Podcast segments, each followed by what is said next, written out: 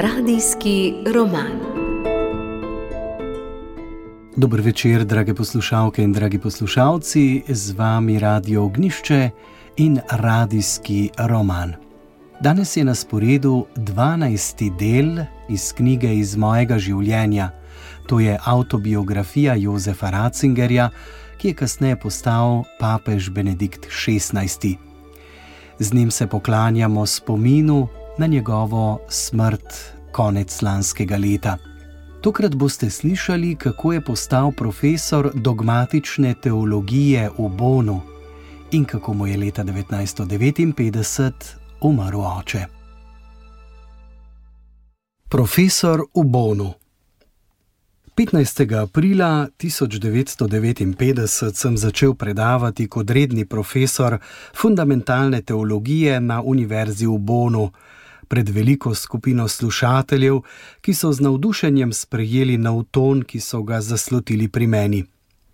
Sprva sem stanoval v konviktu teologov Albertinum in za začetek je bilo dobro tako. Udeleževal sem se čisto normalnega poteka dneva teologov in sem se tako tudi hitro urasel v neprisiljeno človeško skupnost s svojimi slušatelji. Mesto in univerza sta me navduševala. Dvorni vrt, skozi katerega me je vodila pot na bližnjo univerzo, je tisto sončno leto razsipaval vse razkošje pomladi. Univerza je še vedno kazala rane vojne, predvsem v luknjah univerzitetne knjižnice in semeniških knjižnic, v katerih so bile še nepopolne zbirke virov, ki sem jih potreboval za svoje delo. Toda sjajna zgradba stare, volilno-knežje rezidence, ki je po koncu napoleonske dobe postala glavna stavba univerze, tudi v vojni ni izgubila svojega posebnega ozračja. Navduševala in navdihovala sta me utripajoče akademsko življenje v njej in srečevanje študenti in profesori vseh fakultet. Po noči sem slišal ladje na Renu, ki tečejo mimo Albertinuma. Veliki tok s svojimi mednarodnimi ladjami mi je dajal občutek odprtosti in širine, dotikanja kultur in narodov, ki so se tukaj že stoletja srečevali in se medsebojno oplajali. Medtem ko je bavarska kmečka dežela in ravno iz tega svojega značaja črpa svojo posebno lepoto, obstojnost in svoj notranji mir, sem se zdaj znašel v čisto drugače zaznamovani pokrajini. Kelen je bil blizu, Ahen nedaleč proč. Dizeldorf in Porurje sta spadala v naše zaledje. Okrog in okrog nas je ležala še cela vrsta teoloških visokih šol. V Valberbergu šola dominikancev, v Henef-Geistingenu redemptoristična, zelo lepo in negovano knjižnico. V Sankt Augustinu so delovali Stajlerci s pomembnim misiološkim inštitutom. V München-Gladbachu so bili frančiškani, s katerih velikim specialistom za Bonaventuro, Sofranjusom Klasenom, sem kmalo sklenil prijateljstvo. Tako so od vse povsod prihajale spodbude, saj sta bili tudi Belgija in Nizozemska blizu in so bila v porenju že po tradiciji odprta vrata v Francijo. Samo od sebe je prišlo do tega, da sem zelo hitro oblikoval krog zainteresiranih učencev, s katerimi sem kmalo imel redne kolokvije, katere sem ohranil, seveda v različni sestavi, vse do leta 1993. Katoliško-teološka fakulteta sama je bila v mnogih disciplinah sjajno zasedena.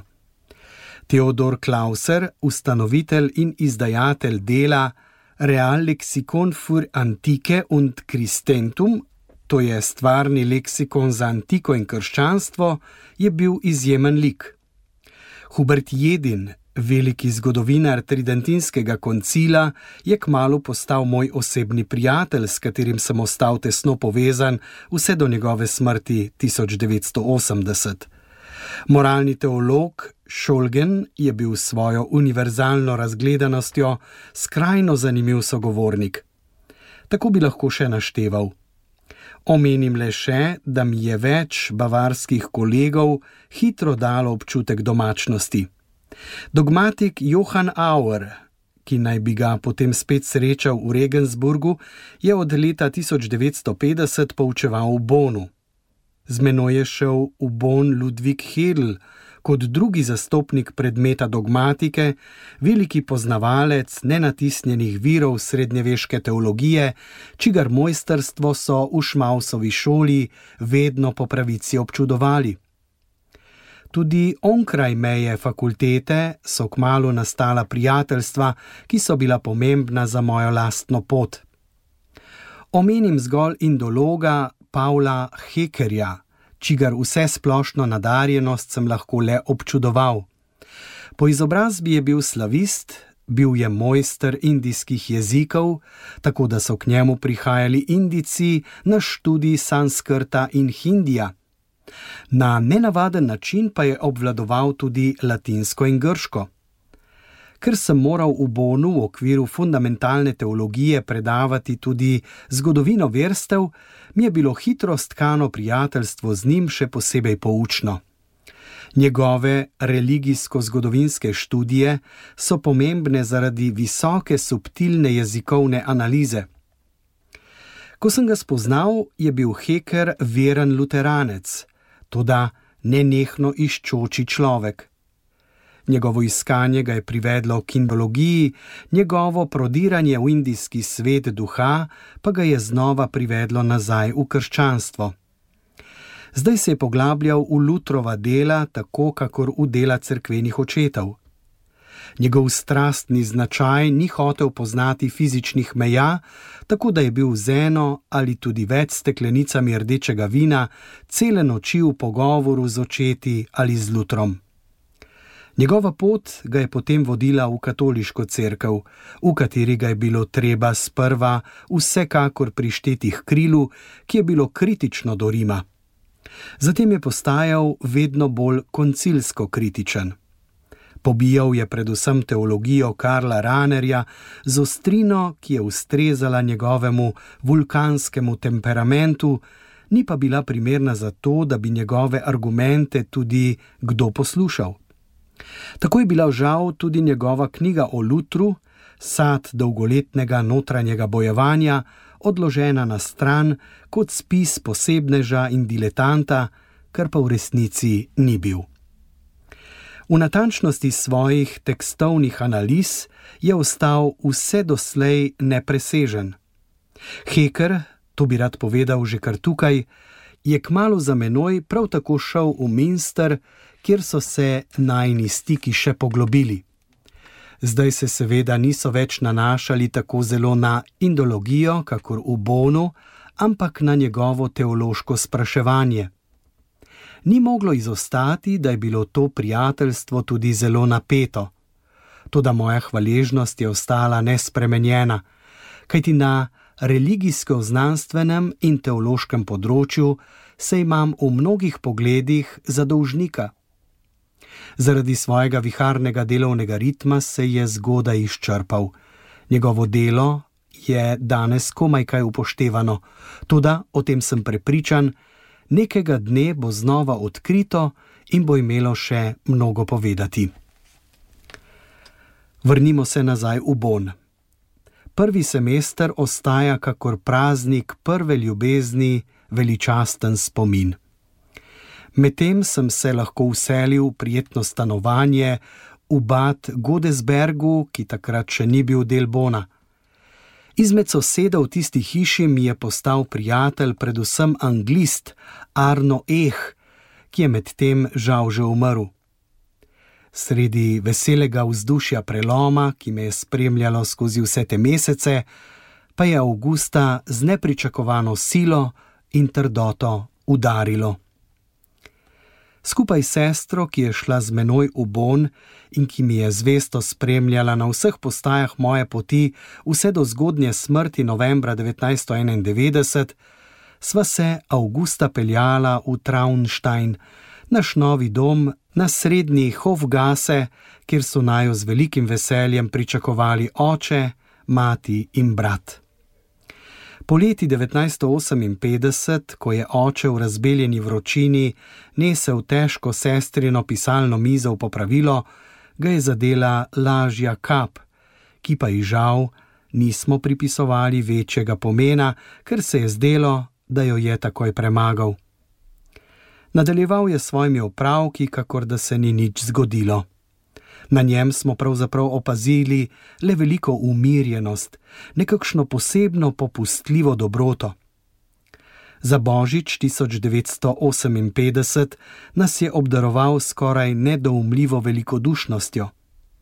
Slutili smo, da ga je imel za svoj zadnji božič, pa vendar nismo mogli verjeti, kajti na zunaj ni bilo na njem ničesar opaziti.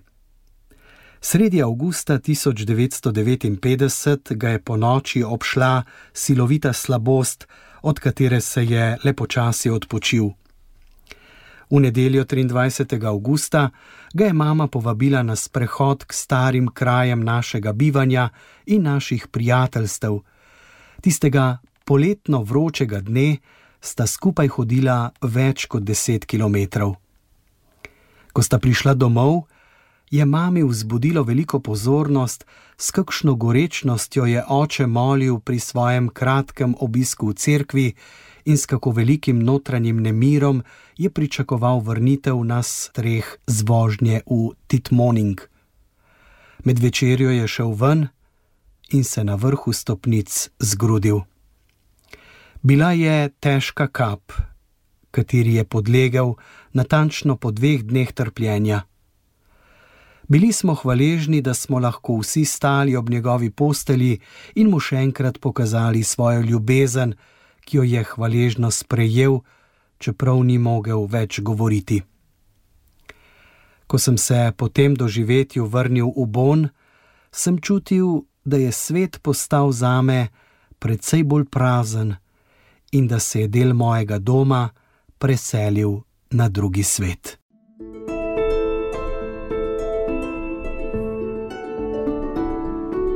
Radijski roman. To je bil 12. del radijskega romana iz mojega življenja, iz autobiografije Jozefa Ratzingerja, kasnejšega papeža Benedikta XVI. Knjiga je išla pri založbi Novi svet leta 2005 in jo toplo priporočamo v branje. Z radijskim romanom se poklanjamo spominu na lani preminulega zaslužnega papeža.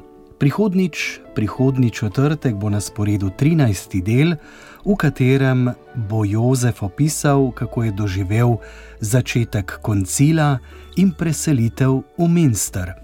Sicer pa, če ste zamudili katerega izmed eh, prejšnjih delov, lepo vabljeni v naš audio arhiv, kjer so vam vsi deli na voljo na zahtevo.